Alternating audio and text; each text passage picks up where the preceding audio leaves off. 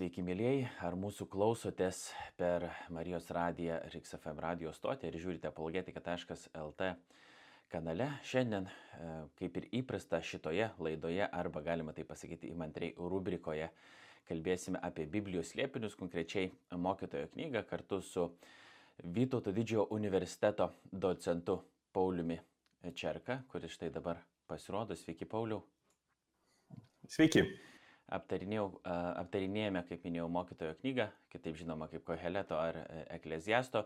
Šiandien sustinkame jau trečiąjį kartą, e, priejome prie mokytojo antros skyriaus, šiek tiek praėjusi kart aptarėme pirmasias tris eilutes iš jo, tačiau uh, apžvalgos dėliai dar truputį aptarsim tas pirmas tris ir tada jau judėsime toliau. Įprastai, ką mes darom, tai bandom skaityti, po gabaliuką, galbūt pavyks ir visą skyrių, bet jeigu ne, tai e, per daug nesijaudindami aptariam tai, e, kas tame skyriuje buvo svarbu, pagrindinės temas, konkrečias eilutes ir taip toliau. Pradėjome nuo knygos apžvalgos, autoristės, skaitėme pirmą skyrių ir galiausiai priartėjome prie antrojo. Jeigu labai trumpai, mokytojo knyga, e, kai kuriems yra keista, kad jinai apskritai yra biblinėme kanone, laikome mes į Dievo įkvėptą, o jinai skamba pakankamai panašiai kaip e, egzistencialistinė literatūra. Klausimas buvo keliamas e, mokytojo, čia skamba du balsai, tiek e, autoriaus, tiek mokytojo. Dabar Paulius įvardino,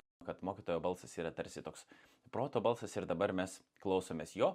Ir jis sako, kad daug kas yra migla, tas žodis taip pat gali būti verčiamas kaip ir paradoksas, netgi turi tokią absurdo konotacijų, bet kodėl taip yra. Dabar tas mokytojas uh, ką pradeda daryti, jis nusprendžia, kad e, pasakoja mums apie tai, kaip buvo e, nusprendęs, kad leis savo pasimėgoti įvairiausiais malonumais. Tai dabar paskaitysim e, vėl pirmas tris eilutes ir leisiu Pauliui pakomentuoti. Tariau širdyje, puiku, leisiu savo mėgautis malonumais. Paragauk malonumu, bet tikėk manimi ir tai buvo migla. Apie juoką sakiau kvailystę, apie džiaugsmą, kas iš to. Su maniu ištirti, kaip paskatinti savo kūną vynu, nors mano širdis ir buvo užsiemusi išmintimi ryžus atsiduoti kvailystį, norėdamas suprasti, ar gera mirtingiesiems tai daryti per keletą jų gyvenimo po dangumi dienų. Pauliu, tai vedant su tuo, kas buvo sakyta praėjusį kartą ir dabar, apie ką tos pirmos trys eilutės. Tai pirmos trys eilutės yra bandymas atsakyti į klausimą, kurį mokytas įsikelia pačioj pradžiai. Yra ar nėra tam tikra mhm, tvarka gyvenime, ar galima pasiekti kažkokiu rezultatu, žiūrint į gyvenimą kaip į visumą ir siekiais atsakyti į klausimą, kuris jis iškelia pačioj pradžiai, ehm, kokia nauda žmogui iš visojo sunkaus triuso, kurio jis triusė po savo pasaulį. Toks e, gyvenimo kaip triuso palyginimas ir pirmas bandymas tenka malonumams. Jis sako, kad jis atliks eksperimentą, kaip tokį tą rytų mokslinį eksperimentą, bandys patikrinti, ar malonumas gali būti atsakymas į gyvenimo klausimą. Ar tai galima laikyti gyvenimo prasme. Ir jo eksperimentas parodo, kad ne. E, nors jis galėjo išbandyti e, įvairiausio, įvairiausio laipsnio malonumus, vis tik jo atsakymas yra, kad e, jis nerado to pasitenkinimo, kurio ieškojo. Tai toks, toks yra bandymas, toks yra bandymo rezultatas.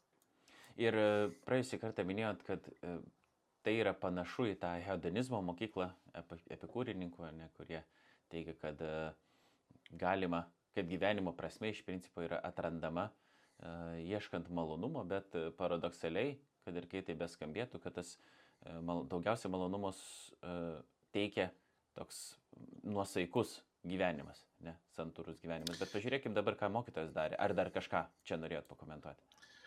Taip, taip pritardamas e, duotu atveju šitai, bent jau šitai epikūro išvadai, nors krikščionybės etika na, nėra hedonistinė, mes visumoje gal nepritarėm šitam požiūriui, bet tam tikrom išvalgom, jog malonumas yra intensyvesnis, kai gyvenimas yra santūresnis, būtent šitai išvalgai turbūt pritartume ir panašu, kad prie panašios išvalgos prieis ir mūsų mokytojas, iš pradžių išbandęs įvairius malonumus ir vėliau skiriaus gale pasiūlęs, kad e, labiausiai žmogus laimingas yra, kai jis geba pasitenkinti nu, saliginai mažais dalykais, tokių kaip valgymų, gėrimų ir gyvenimo pasitenkinimu. Tai šiuo atveju tarytum jis iš savo eksperimentų padaro na, va, tokias išvadas, kur slypi labiaus, labiausias pasitenkinimas. Tai ir pažiūrėkime kelias kitas eilutes, kokius jis čia eksperimentus atliko. Ėmiausi didelių darbų, stačiausi namų, veisiausi vynogynų. Įsirengiau sodų bei parkų ir pasisodinau juose visokių rūšių vaismedžių. Įstaisiau vandens tvenkinių augančių miško medžiams laistyti. Įsigijau vergų ir vergių. Vergai gimė ir mano namuose. Turėjau taip pat didžiulių galvijų bandų bei avių kaimenių, didesnių negu visų kitų buvusių prieš mane Jeruzalėje. Susikrojau sidabro bei aukso ir karalių bei valstybių turtų, apsirūpino dainininkais, vyrais ir moterimis, visais mirtingųjų malonumais bei daugybę sugulovių. Panašu, kad tikrai nemažai pavyko jam per gyvenimą prikaupti e, tiek žmogiškųjų resursų, tiek įvairių turtų. Ir e, ar čia yra, dabar vis tiek mes einam prie tos kulminacijos, e, ką tai reiškia, jau čia šiek tiek įvardinot, kad galiausiai tai kaip ir tame netrandama gyvenimo prasme, tas didysis gyvenimo džiaugsmas bet e, jis čia vardina tam tikrus dalykus, kaip minėjau, yra žmonės tam tikri ir tada yra daiktai, kurie gauti iš nurodytų vietų. Ar čia yra tarsi toks principas ir bendrais bruožais nusakyta, kad a, tiesiog aš turiu daug. Tiesiog daug eilučių pasakyta, kad aš turiu labai daug, daugiau negu bet kas kitas turėjo. Ar mums yra svarbu e, tie konkretūs dalykai, kuriuos jis vardina? Na, tais dalykais jis panašu, kad padengia visą aibę, mm, aibę įvairiausių mm, dalykų ar reiškinių, kurie galėtų teikti malonumą. Jis pradeda nuo verslo projektų, kas iš tikrųjų teikia malonumą, jeigu jie pavyksta. Jisai taigi pradeda nuo didelių darbų, kaip jis sako, ypatingai darbų, kurie na, pavyksta vis užbaigti, kažką pasiekti. Aišku, čia iš tikrųjų aštuntoje lūtėje yra vertimas įsigijau daugybę sugulovių ir čia uh, žodis ne visiškai yra aiškus. Ar tai šis žodis reiškia būtent tai, kaip išversta? Na, kadangi mes jį sutinkame tik vienoje vietoje ir na, vertėjams yra galvosakis, kaip išversti, tai tenka naudotis kitais senaisiais vertimais ir taip interpretuota. Tai viena galima interpretacija yra būtent e, reiškinti sugulovės, gali tai reikšti ir muzikinius instrumentus ir gali būti ir kita interpretacija, bet klausytojams reiktų pasakyti, kad mūsų ausiai neįprastas terminas sugulovė gali asocijuotis su e, būty, būtiniai kalboje naudojimu žodžiu meilužė. Tai šiuo atveju mokytojas neturi omeny meilužių, sugulovė buvo būdinga tam tikra šeimos teisės kategorija, sakykime, supaprastintai tai žmona, bet nepil, nepilnos, nepilnų teisių, sakykime, sumažintų teisių sutoktinė, bet tai tikrai nėra meilužė ir, reiškia, mes neturime čia atveju, kad kažkas tai būtų tie malonumai, apie kuriuos kalba mokytojas, netitiktų kultūros ir to meto na, nusistovėjusio gyvenimo modelio. Jis kalba apie tai, kas, na, tai, kas moralu, bent jau pagal to meto gyvenimo modelį. Jis nekalba apie meilužės, jis kalba apie, na, turbūt karališką haremą, tačiau jis buvo pagal to meto kultūrą ir papročius kaip ir norm, laikomas buvo normaliu mes neturėtume to taip. Ar būtų galima sakyti, kad ne tik normalių buvo laikomas, nes čia tokia įdomi atrodo mintis, kai mes kalbam apie hedonizmą, dažnai įsivaizduojam, kad leidžiama yra savo viskas, ne, arba bet kas, kas tik tais nori. Ir aš irgi tokį lūkestį turėjau, kad čia mokytas praktiškai leiso viską, bet išgirdę šitą mintį ir atidžiau pažiūrėjęs į tekstą, iš tikrųjų tam tikri dalykai, kurie čia yra įvardinti, praktiškai visi dalykai, jie yra laikomi kultūrinė norma, to meto ir to, laik, tai to laikmečio ir tos vietos kultūrinė norma. Ir ne tik kultūrinė norma, bet tarsi ir tam tikrų palaiminimų, nes turėti daug e, tarsi gali būti laikoma ir tokiu buvo laikoma e, Dievo Dievo palaiminimu. Tave Dievas laimina, jeigu tu turi daug tokių įvairiausių dalykų, nes esi turtingas, o tas turtas pasireiškia ne tik pinigais, bet e, ir tavo žmogiškaisiais resursais ir tuo pačiu e, gyvuliais įvairiais, bandomis ir taip toliau. Tai jis čia vardė tokius daiktus, kurie atrodytų ne tiek vien tik jam malonumus kažkokius teikia, bet kad ir kitų akise turėtų parodyti jam, kad jis turi viską. Jam iš principo nieko netrūksta. Ne? Jis turi viską, ko mes galėtumėm norėti ir ką, e, ir ką visuomenė vertintų iš principo. Ar taip galima sakyti? Vienareikšmiškai taip, jis pasiekė maksimaliai, ką galima pasiekti, bent jau turtinė ar mm, socialinė prasme, ar ne. Jis turėjo, pasakykime, šeimą maksimaliai, maksimaliai tokia išplėtota pagal to meto papročius, verslą, namus, na, visą tai, ką šiandien šiandien, na, aišku, konvertavosi mūsų laikmetį, bet mes taip pat turėtume tam tikrus sėkmybės, vad kas yra tas sėkmingas, laimingas žmogus, tai duoto atveju tas populiarus įsivaizdavimas, tai, ką mes laikytume, visą tai mūsų herojus išbando. Va, ir nieko nedaro tokio na, nelegalaus ar amoralaus savo, savo bandymuose. Mums atrodytų tam tikri dalykai nelegalus ir amoralus, bet mes kalbam apie tą laikmetį ir tą kultūrinį supratimą. Ir nuo devintos eilutės šiek tiek atrodytų, e, pats mokytas tambo, bando mums paprieštarauti, bet žiūrėsim, ar, e, ar iš tikrųjų. Nes e, rašoma taip. Taip tapau didis, viršiau visus buvusius prieš mane Jeruzalėje. Be to ir išmintis manęs nepaliko. Nieko, ko mano akis norėjo matyti, joms neatsakiau. Nes savo širdžiai neatsakiau jokio malonumo. Iš tikrųjų, mano širdžiai teikia malonumo visas mano triūsas ir tai buvo atlygis už visą mano triūsą. Tuomet apsvaršiau visą, ką mano rankos buvo padariusios ir sunku triūsą, kurį buvau įdėjęs. Tikėk manimi, visa tai tik migla ir vėjų vaikymasis. Nebuvo nieko naudinga pasaulyje. Čia sako mokytas, kad vis dėlto jis nieko neatsakė savo širdžiai. Uh, viską. Ir savo akims, ir savo, uh, ir savo širdžiai. Ne? Ir tai irgi svarbu, kad jis skiriama yra širdis, tas toksai e, emocinis, intelektualinis visoko centras ir akis E, kurį įvardinot kaip taip, nu, kad mūsų rega yra tai tokia labiausiai, ko mes labiausiai informaciją įimam, e, priimam. Ne?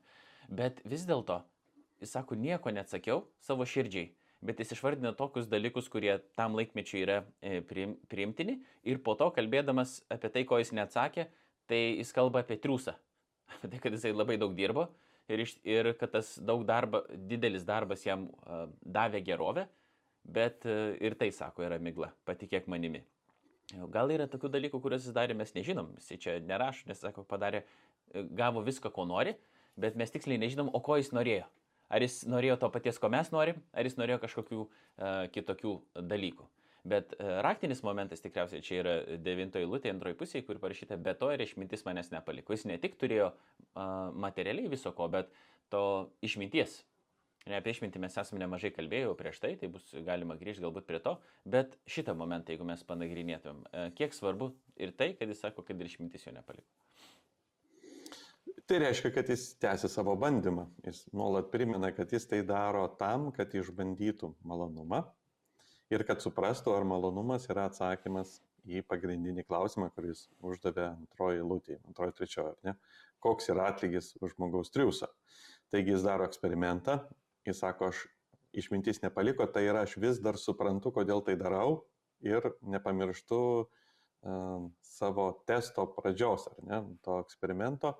Nuolat stebiu save arba nuolat stebiu tą malonumą ir noriu atsakyti, ar pavyks jam būti tuo mane tenkinančiu atsakymu. Taip? Štai kodėl sako, išmintis manęs nepaliko, reiškia, aš um, sugebu vis dar įvertinti, kas vyksta aš sugebu stebėti ir daryti išvadas. Ir jo yra idėja tokia, kad čia labai na, gražus posakis, pažodžiui būtų, ko mano akis geidė, bet pažodžiui būtų viso, ko akis prašė. Aš daviau, tarytum, tos akis yra kaip atskiras asmuo, kuris tavęs paprašo, tu jas patenkini ir atlėpė jų prašymą. Taigi jis m, bandė pasiekti viską, ką, kas tik tai, na mes sakytume, atėjo į galvą, ko jis tik tai užsimanė, tai kai jis pamatė ir sako, pamatai ir nori, taip veikia reklama. Tu matai, matai kažką ir paskui užsinori ir paskui sieki, nusipirki. Tai šiuo atveju jis nusipirko viską, ką reklama galėtų pasiūlyti. Ir jis pastebėjo tokį dalyką, kad e, viena vertus jis pajutė tam tikrą malonumą, džiaugsmą, bet vėliau jisai sako, kad to malonumo įvertinus, kiek reikėjo įdėti pastangų, jis mano, kad tai net perka. Kitaip tariant, tiek, kiek reikėjo dirbti, kad tai pasiekti ir tas malonumas, kuris atėjo pasiekus, uh, jo nuomonė yra na, per menkas uh, santykis. Ir jis daro išvadą, kad tokiu atveju uh, tu vargsti per daug, kad pasiektum tai, o gauni per mažai, reiškia, neapsimoka.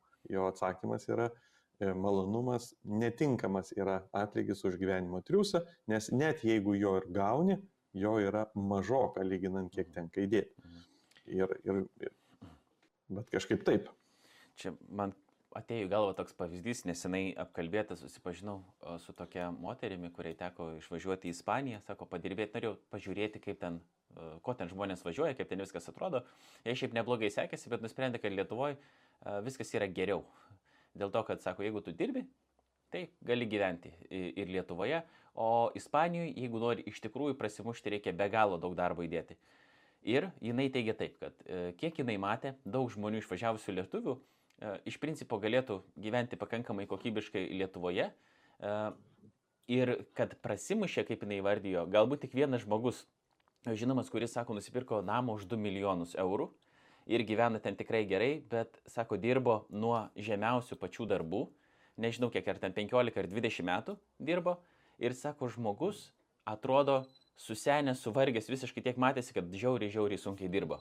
Jis galiausiai pasiekė galbūt tą, ką norėjo, bet jis paukojo ar 15 ar 20, dabar tiksliai neatsimenu kiek metų, turi kažką galbūt kas pavydį, bet tai yra labai mažas procentas tų žmonių, kurie išvažiuoja, čia yra vienas dalykas, o kitas dalykas, kad reikėjo dirbti labai daug labai sunkiai ir labai ilgai ir mes nežinom, kaip tai paveikia santykius, ten galbūt buvo žmona ar vaikai, dar kažkas tokio, ne. Yra tam tikras rezultatas, bet mes galim klausti, ar iš tikrųjų tai apsimoka. Ir mokytojas atrodytų kažką panašaus sako.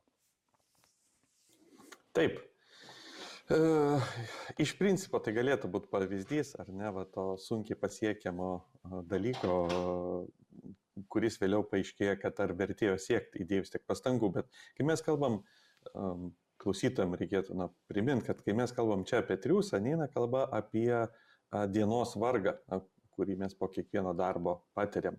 Čia jis nekalba apie tokį vargą, kurį mes patiriam nuo tiesiog nuo fizinio darbo arba nuo, nuo, nuo darbo, kurį atliekame techniškai. Jis kalba apie gyvenimo vargą, va, kuris apima ir darbus, ir projektus, ir rūpestį, ir, ir visą, visą, ką mes jame įdedam. Ir aišku, dažnai tai atsispindi gal žmogaus, vat, kaip tu ir pasakėjai, net sveikatoje, jo laikysenoje, jo vidiniam džiaugsme. Taip, bet tai yra va, tas gyvenimo našta. Reiškia, kai kalbėsim apie triusą, visada nu, turėkime omeny, kad kalbam ne apie sunkę dieną, kuri kartais išpuola visiems, bet apie tam tikrą va, rū, gyvenimo rūpešių naštą kaip tokią. Tai būtent taip. Gerai, bandom tikriausiai skaityti toliau nuo 12 eilutės. Ėmiausi svarstyti, vertindamas išminti kvailybę ir paikybę, nes ką darys žmogus atėjęs po karaliaus? Tik tai, ką karalius buvo daręs. Suvokau, kad išmintis pranoksta kvailybę, kaip šviesa pranoksta tampa, tamsa. Išmintingasis kaktoje turi akis, o kvailasis grabaliojasi tamsoje. Galbūt galima čia ir staptelti, daug dalykų įdomių tokių pasakyta. Vienas iš jų, kad uh, ką darė žmogus atėjęs po karaliaus, tik tai, ką karalius buvo daręs. Kas čia turimo omeny, nes jeigu tai paprastai žvelgiant, atrodytų, kad tarsi kopijuoja kažkas, e, žiūri į jį kaip į pavyzdį ir e, tie, kurie yra socialiniai sluoksniai žemiau, galbūt tiesiog seka tuo, kuris yra aukščiau, ar, ar apie ką čia šitą mintis? Na, turbūt tai atkartoja pirmam skyriui pasakytą idėja, kad viskas kartojasi ir iš esmės kažko labai naujo padaryti nepavyksta. Keičiasi formos išraiškos. Šiuo atveju naujienų nėra ir tas karalius, kuris ateitų po jo, jisai nieko naujo nesugalvotų. Jis galėtų tik tai geriausiu atveju pakartoti, kas jau buvo daryta. Va, ir čia galbūt 14 lūtė toks šmaištus, uh, šmaišti išvalga yra apie kaktoje esančias akis idėja yra ta, kad čia galbūt galima pasakyti, kad mes pradedame matyti protu, gyvenimą suprasti protu, bet tai turi ir dar kitą niuansą, kad kadangi jos yra kaktoje, jos yra šiek tiek aukščiau. už paprasto žmogaus akis. Taigi, jeigu yra aukščiau, jos mato toliau.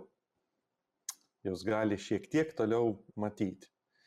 Ir e, Saliamonas viena vertus pripažįsta, kad e, protingas, išmintingas žmogus gali labiau pažinti gyvenimo procesus ir toliau numatyti, kuo jie pasibaigs.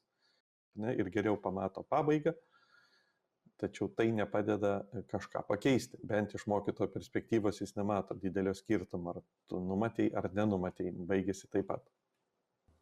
Aš dar tik norėjau sureaguoti šiek tiek galbūt į tą 12 eilutę e, ir paklausti, pasvarstyti, ar irgi gali būti taip, kad tai, kas čia yra sakoma, turi daugmaž tokią mintį, kad nereikia kiekvienam žmogui pasaulyje bandyti įgyvendinti tų dalykų ir pažiūrėti, koks bus rezultatas. Yra tarsi toks uh, principas, kuris galioja visiems. Ir štai yra va, tas vienas žmogus, uh, kuris įkūnija visas tas žmogiškasis pastangas ir jūs žiūrėdami į jį galite jau pasimokyti iš to ir padaryti tam tikras išvadas. Ir jeigu esate išmintingi, tai suprasit, kad iš tikrųjų uh, nereikia jums karto to kelio, nieko jūs naujo negausit. Ne? Ir e, čia tokia lietuviška patarlė yra, nežinau kiek jinai lietuviška, kiek ne, kad išmintingas mokosi iš kito kvailų, e, klaidų, o kvailys iš savo mokosi, tai kažkas tokio panašaus, ne, kad nereikia visiems viso to pabandyti, jau mes žinoma, šitas pabandė ir iš principo ir tau bus lygiai taip pat, nes žmonės yra tokie patys, arba bent jau panašus. Net jei ir norėtume objektyviai, nei vienas mes neturime nei tiek resursų, nei galimybių atlikti tokių eksperimentų, kokius atliko Koheletas. Va, iš vienos pusės taip, iš kitos pusės žmogus na, vis tiek siekia pabandyti ir aišku, nie vienam iš mūsų nepavyks tokiu laipsniu gyvendinti, bet turbūt visi turėtume prisipažinti, kad kažkiek esame bandę. Aš tas mums pristato, kad karalius Saliamonas buvo tas turtingiausias, daugiausia pasiekęs, materialiaja prasme žmogus. Evangelijos žodžiai, kad kokia nauda žmogui, jeigu jis laimėtų visą pasaulį, bet prarastų savo sielą. Tai va apie to pasaulio laimėjimą, na ir kalbama yra. Gerai, bandom galbūt e, skaityti toliau.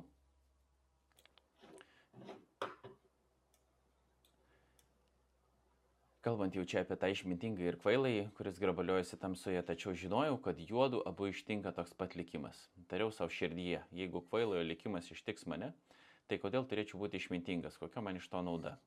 Taigi suvokiau širdie, kad ir tai migla, juk nėra nei išmintingųjų, nei kvailųjų išliekančio atminimo, nes ateities dienomis vieni ir kiti bus užmiršti.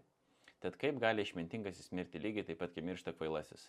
Pradėjau bodėtis gyvenimu, nes visa, kas vyksta pasaulyje, man kelia nerimą visa tai tik migla ir vėjų vaikymasis. Ir čia panašu išgriebamas toks e, klausimas, kuris yra aktuolus tikrai mm, visiems ir šiandien, ir šiomis dienomis. Ir man jisai yra aktuolus, galvoju kartais, o kodėl reikia stengtis kažkaip e, galbūt save varžyti, įdėti daug darbo, kai iš principo vis tiek rezultatas gali būti toks pat. Arba mm, ir tas, kuris visiškai nesistengia arba netgi kvailai elgesi, kartais jam labiau sekasi. Ir e, psalmėse panašų tokį šauksmą irgi girdim, e, kodėl neteisiesiems taip sekasi. Ir, ir čia yra pasakoma irgi, kad tarsi yra toks kaip Bible Project, kuriai e, vienas iš jų Timas Mekis sako, yra tarsi toks kažkoks užstrigimas sistemoje, kad sistema turėtų veikti vienaip, jeigu dar įdedi daug darbo, elgesi išmintingai, gauni gerą rezultatą. Bet ne visą laiką tai būna. Ir, o rezultatas galutinis yra apskritai toks pat. Visi eina į kapą. Mes čia dar nekalbam apie tą krikščionišką viltį ir amžino gyvenimo viltį. Čia kol kas kalba tas grinai proto balsas, kuris šitų dalykų nesvarsto, bent jau kol kas, ne, jam čia viskas kaip ir baigėsi kape, tai kam čia dabar tiek daug vargti ir stengtis, jeigu vis tiek rezultatas toks pat. Na taip, jeigu žiūrėti vien tik tai šiamišką perspektyvą, tai klausimas yra geras, bet matyt, pasvarstykim iš kitos pusės, o jeigu taip nebūtų, jeigu nebūtų to tam tikro chaotiškumo mm, arba tam tikro mūsų mm, to elemento, kad mes ne, negalime suvaldyti ir, ir pasirinkti, bus gerai, blogai, seksis ar nesiseks, jeigu viskas būtų labai paprasta ir aišku, tokiu atveju na, nesiskleistų žmogaus esmė. Būtų labai paprasta gyventi ir visi taptų tokie, tarytum, rinktųsi na, išminti tik todėl, kad jinai neša kažkokią tai naudą. Toks būtų net veidmainystė tam tikra, ne, net žmonės tokiu atveju net, neskleistų savo tikrųjų siekių. Ir šiuo atveju kaip tik toks uh, gyvenimas, jis padeda mums na, pasirinkti galbūt uh, ne dėl to, kad kažkas bus ar nebus, bet todėl, kad mes gilumoje matome, kad tai yra teisingas pasirinkimas, net jeigu ir dėl jo nebus vat, tiesioginio kažkokios tai kompensacijos čia ir dabar. Tai aš sakyčiau, kad viena vertus mes nusivėliam to žemiško gyvenimo tvarka, kita vertus jinai kaip tik yra labai gerai pritaikyta na, lavinti mūsų vidinį žmogų. Mhm. Čia galima prisiminti tas pasakas, tokias ir istorijas, kaip koks nors karalaitis apsimeta varguoliu ir tikrina, ar E, ta mergina jį pasirinks iš tikrųjų, ar jinai iš tikrųjų jį myli, ar mylėtų tik dėl to, kad jis yra karalius, e, mylėtų kabutėse. Tai čia kažkas panašaus yra tarsi su išmintimi, ar renkamės išminti ir tikrai gerą teisingą gyvenimą dėl to, kad jis yra vertingas ir teisingas, net jeigu tai mums kainuoja labai daug e, ir mes nebūtinai gauname tai, ką gauna tas, kuris elgesi kvailai ir gauna kažkokių, sakykime, gerų dalykų, bet mes renkamės remdamėsi darybėmis, net ne vertybėmis, bet e, kultivuodami tas darybės. Ir netgi Kristaus keliui, taip lyginant irgi, kad e, ar e, kai kurie buvo tokių klausimų iš mokinių ir netgi iš mamų mokinių, kad pažiūrėkime, ar, nu, Jėzau, čia ar sėdės jie tavo dešinėje, kai, kai jau tu ateisi su visa valdžia ir tavo valdžia bus įtvirtinta ir kas mums bus iš to, kad mes čia tavim sekam. Ir Jėzus sako, jau dabar jūs esat gavę e, šimteriopai ne, ir, ir, ir įgyję ženkliai daugiau, bet patys to nesuprantat, nes tie dalykai, kuriuos jūs vertinat, yra nebūtinai tie dalykai, kurie yra vertinami dangaus karalystės perspektyvų. Ir čia yra labai įdomi mintis, tarsi toks testas, nes jeigu e, elgdamėsi išmintingai ir teisingai gautam savo kažkokius gerus, savo naudos vien tik tai, tai galėtum tada klausti, ar iš tikrųjų mes elgiamės etiškai, moraliai remdamėsi teisingumu, išmintimi ir e, e, taip, kaip reikėtų gyventi, ar vis dėlto tiesiog ieškam savo naudos ir renkamės tokį kelią, kuris yra parankiausias ir jeigu tai yra išmintis, tvarkoj, jeigu tai yra kvailystė, irgi gerai. Mes renkamės tą, kas mums užtikrina didžiausią naudą. Taip, būtent jeigu, jeigu tai veiktų labai paprastai, mes e, tokiu atveju rinktumėmės galbūt išminti tik todėl, kad jinai kažką teikia, kažkokią naudą, o todėl, kad tai yra teisingas kelias. Ir šiuo atveju vat, pasibaig... knygos pabaigoje vat, išvada bus pateikta, kad svarbiausia yra bijoti Dievo, tai yra toks gyvenimas, jisai mums uh, padaro, leidžia mums pasirinkti um, daly, nu, išmokomus rinktis dalykus ne dėl jų grįžtamos naudos, bet todėl, kad tai yra teisinga. Ir aišku, antroji serija, ta vat, būtent sekanti gyvenimo serija, e, gyvenimo, kuris nesimato mokytojai, kurio jis negali pamatyti čia ir dabar, stebėdama žemišką gyvenimą, jinai iš kažkuria prasme išlygins uh, neligumus ir padės visus taškus ant į. Kadangi pavyzdžiai dažniausiai būna žmonėms įdomus, dar vieną pavyzdį tokį prisiminiau, kai teko dirbti man uh, jaunimo, vaikų, paauglių stovykloje ir reikėjo griebti lapus, buvo daug tų lapų pirkti jau ten rudeniopą ir ir, ir prašiau pagalbos tiesiog, tų stovyklautojų, sakau, gal galit padėti man lapus sugriepti. Jie sako, o kas man iš to? Sakau, nieko. Ką žinau, nieko, jums iš to nieko. Nu, nes dažniausiai, jeigu daro, daro darbą, tada ledą gaus kokį nors arba galėsi mankštą neiti. Sakau, nieko, man galėsit padėti, tiesiog nu, lapų bus mažiau, ne, bus jie sugriepti, nes vis tiek teks griepti, man griepti, ar mes griepsim dviese ar tryse. Jeigu mes daugiau griepsim, greičiau sugriepsim, bus tvarkingiau, tiesiog bus geriau. Ir, iš principo motivacija buvo tokia, ar tu nori man padėti ar ne. Tau nieko iš to nebus, tu būsi padėjęs arba būsi nepadėjęs, o jau tau čia reikia daryti sprendimą. Ar padėti yra gera vien dėl pagalbos, ar padėti yra gera tik dėl to, kad tu gausi kažką tokio. Ne? Tai, uh, ir galbūt skaitom toliau, ne, kad ties pavyzdžiais irgi neustriktume uh, nuo 18 eilutės. Matydamas, kad turiu palikti žmogui, ateinančiam po manęs, bodėjausi visais savo triuso vaisiais, kuriuos buvau sukaupęs pasaulyje. Kas žino, koks jis bus, ar išmintingas, ar kvailas, tačiau jis tvarkys visus mano triuso ir išminties vaisius pasaulyje. Tai irgi migla. Vėl mano širdis puolė į neviltį dėl visų triuso vaisių, kuriuos buvau sukaupęs pasaulyje. Juk nesikį žmogus išmintingai triusės, kupinas išmanimo ir įgūdžių privalo palikti visą, ką turi jokio darbo į tai neįdėjusiam žmogui. Tai irgi migla ir didelis blogis. Tad kokia nauda mirtingajam iš viso jo triūso ir rūpinimuose, kurį turėjo pakelti pasaulį? Juk visos jo dienos kupinos skausmo, o jo užsiemimas apmaudas, net naktį jo širdis neturi ramybės. Tai irgi migla. Išgyvena čia mokytojas, kad tiek daug visko prikaupęs turės kažkam palikti, nes į kapą nenusineš, o tam, kam palikti, tas žmogus gali būti kvailas. Tiesiog išmintingam bent jau kažkiek yra vertės palikti. Nu, pats savo neturi, bet bent jau kažkokiam vertingam žmogui. O dabar net neaišku, kam tu čia tos dalykus paliksi ir sako migla, viskas yra migla. Būtent jisai uh, nekelia tokio lūkesčio, kad jis turėtų žinai su to turtu būti arba su tais pasiekimais. Tačiau jisai sako tai, kad tu net nežinai, kieno rankas jie paklius. Reiškia, tu kaupsi, kaupsi, o galų gale tai, kas sukaupta, uh, pereis į rankas to, kurio, į, į, kurio tu niekaip nevaldai to proceso. Ir tokiu atveju iškyla, na, iš tos jau perspektyvos žiūrint, iškyla toks klausimas, ar vertėjo, ar buvo tikslinga. Ir stebint gyvenimą, iš tikrųjų mes galim daug kartų na, iš savo turbūt asmenės patirties matyti, kaip turtas keičia rankas.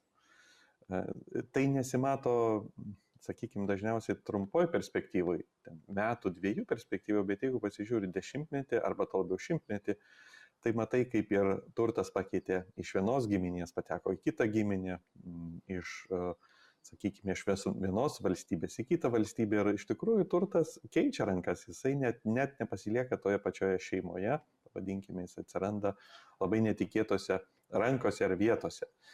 Tai m, tą mūsų koheletas mato ir sakydamas, kad tai, kad tu net nežinai, kur, kaip jisai pakeistas rankas ir pas ką jis paklius, tu negali sukontroliuoti tų dalykų.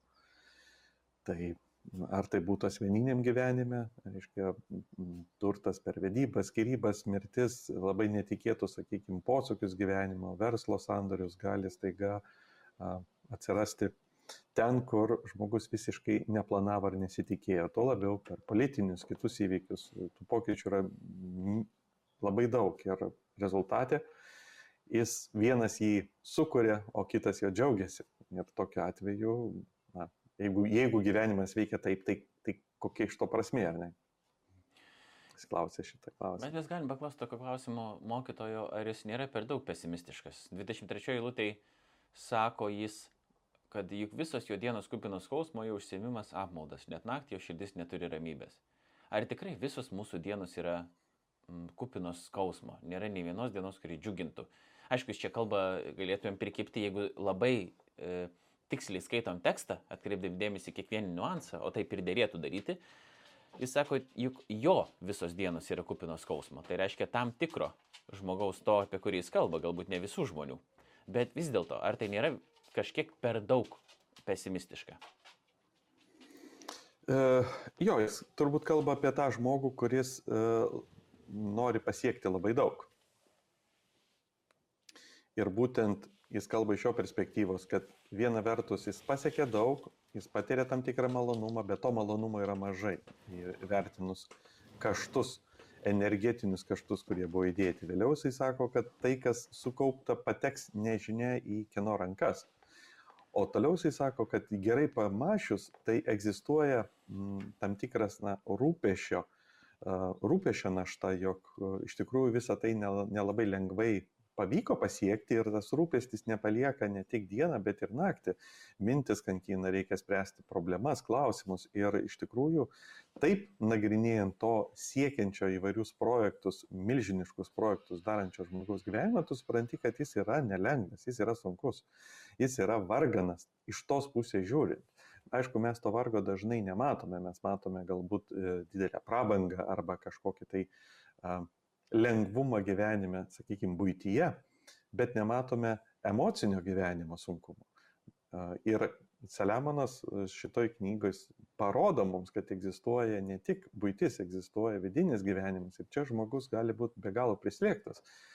Štai kodėl mes stebim tarytum sunkiai paaiškinamą reiškinį, kai turtingas žmogus ir saliginai sėkmingas žmogus pabaigia savižudybę savo gyvenimą ir pasitraukia iš gyvenimo, nes jis pasirodo jame esas labai labai sunkus nepakeliamas. Tarytum stebi iš, iš šalies ir sakai, o ko jam trūko, jis juk viską turėjo. bet tyrimai rodo, kad e, pasitraukia iš gyvenimo žmonės dažnai lyg ir turi viską, o tie, kurie patenka į gyvenimo sunkes aplinkybės, retai pasitraukia, nes tarytum kovoja ir, ir jaučiasi viduje net ir laimingesni, nors materialiaja prasme yra skurdesni. Tai čia, sakyčiau, jis kalba apie būtent to siekiančio žmogaus vargą. Taip. Pabandom pabaigti skaityti e, antrą skyrių, visai netikėtai, galbūt net ir pavyks pabaigti.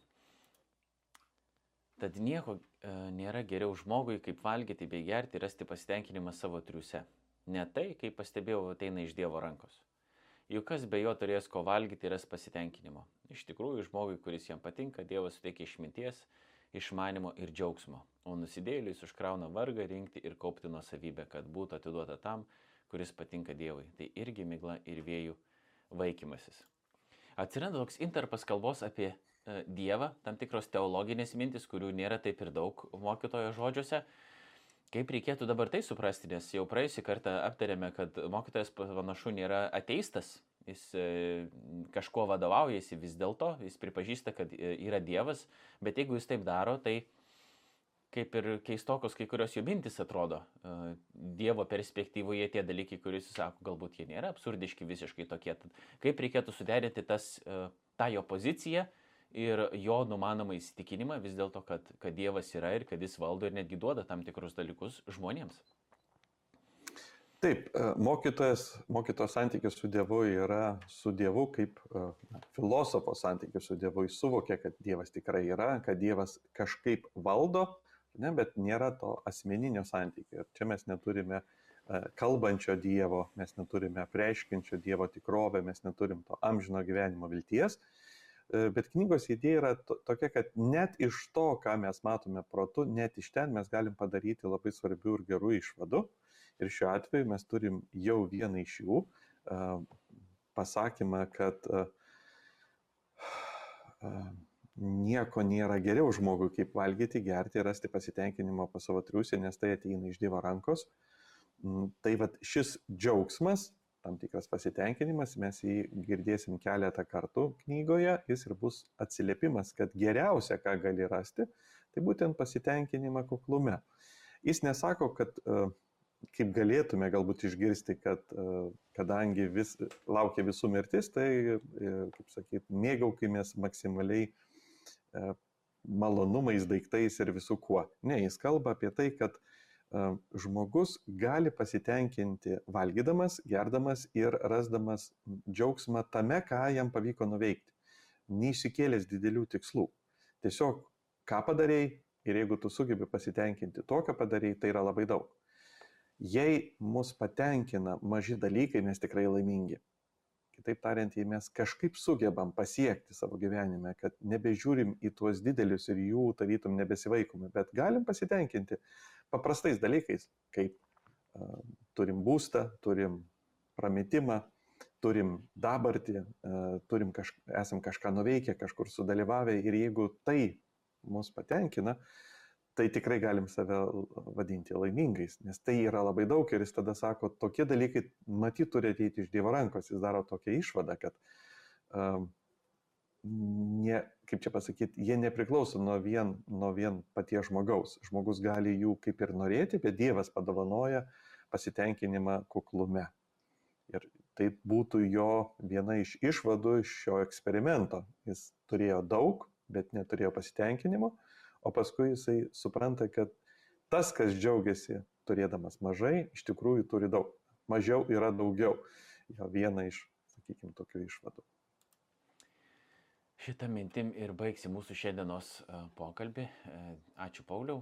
Kitą savaitę, kitą kartą jau kalbėsim apie mokytojo trečią skyrių. Žiūrėsim, galbūt mums irgi vėl pavyks aptarti e, jį visą, tuos, kurie negirdėjo mūsų pirmųjų dviejų pašnekesių, raginu susirasti jos apologetika.lt e, YouTube kanale, taip pat šitą kanalą užsiprenumeruoti ir e, visą paspausti varpelį, kad gautumėte priminimą, kai išeina e, naujas įrašas, taip pat daugiau medžiagos galite rasti apologetika.lt svetainėje, raginu aišku sekti ir Facebook paskyrą bei Instagram profilį, o daugiau pokalbių su Pauliumi taip pat rasite tam pačiam apologetika.lt YouTube kanale įvairių diskusijų ir šiaip pašnekėsių teologinėmis ir filosofinėmis temomis. Mm, dar kartą ačiū Pauliu, ačiū visiems žiūrovams ir klausytojams. Iki kitų susitikimų ir sudėv.